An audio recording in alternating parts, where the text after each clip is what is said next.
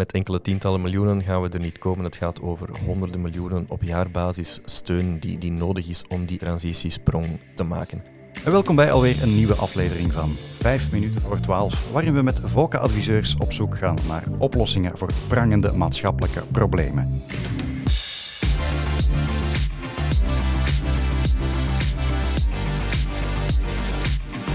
VOCA Podcasts. Vandaag gaan we kijken naar klimaat en energie en dat doen we met Jannik van den Broek, adviseur bij het VOCA Kenniscentrum. Dag Jannik. Dag Erik. Energie en klimaat, heel belangrijke thema's. En er moet daar heel wat gebeuren om naar een klimaatneutrale samenleving te gaan. Wat is jouw voorstel om dat te versnellen?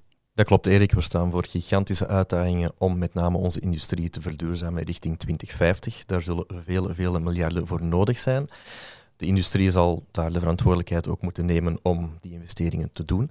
Maar we kijken toch ook naar de overheid om de investeringsprojecten mee te, te faciliteren.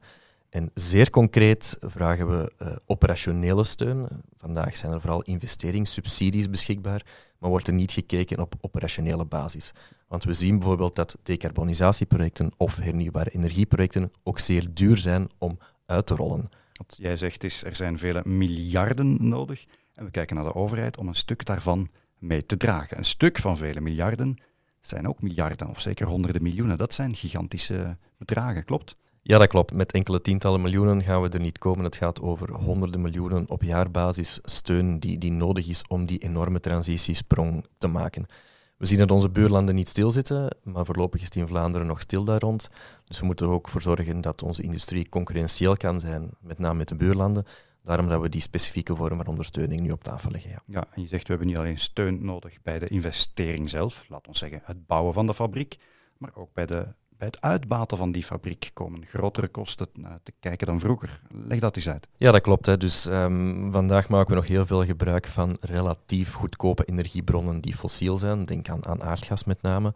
In de toekomst zal het misschien bijvoorbeeld duurzame waterstof zijn, die nu nog een kostenfactor maal 5 heeft ten opzichte van, van aardgas.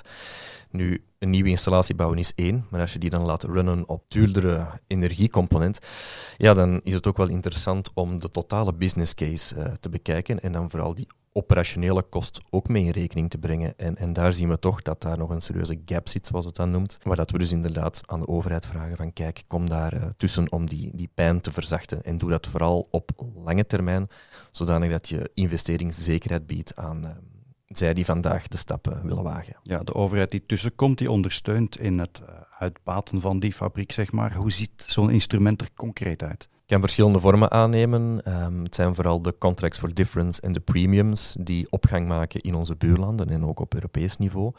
Contracts for difference, daar is ergens een contract en er is een verschil. Vertel. Ja, klopt. Uh, het woord zegt het eigenlijk zelf. Hè. Dus de overheid gaat een contract aan met een, een, private onderneming op lange termijn, dus dikwijls 10, 15 jaar, om inderdaad een verschil te compenseren in wat de huidige kosten zijn om klassieke technologieën te runnen ten opzichte van dan die toekomstige investeringen.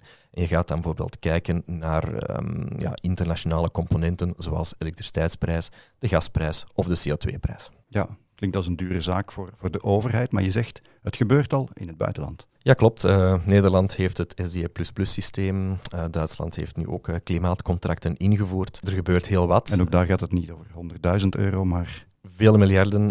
in, in Duitsland bijvoorbeeld 50 miljard voor de komende 15 jaar. We weten dat we dat soort bedragen hier niet zullen kunnen loskrijgen.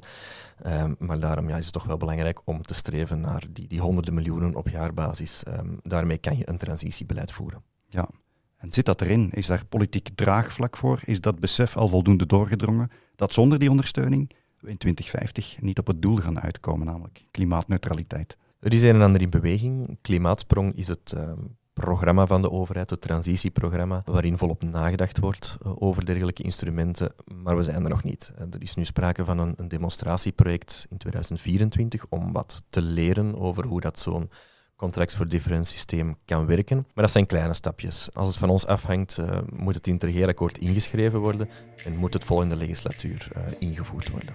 Vlaams regeerakkoord is dat? Ja, dit is een Vlaamse bevoegdheid. Oké, okay, dit is een heel duidelijke oproep. Dankjewel Jannik voor de toelichting bij een iets moeilijker dossier. Maar ik heb het begrepen, hopelijk de luisteraar ook. Bedankt en tot de volgende. Dank u. VOCA Podcasts.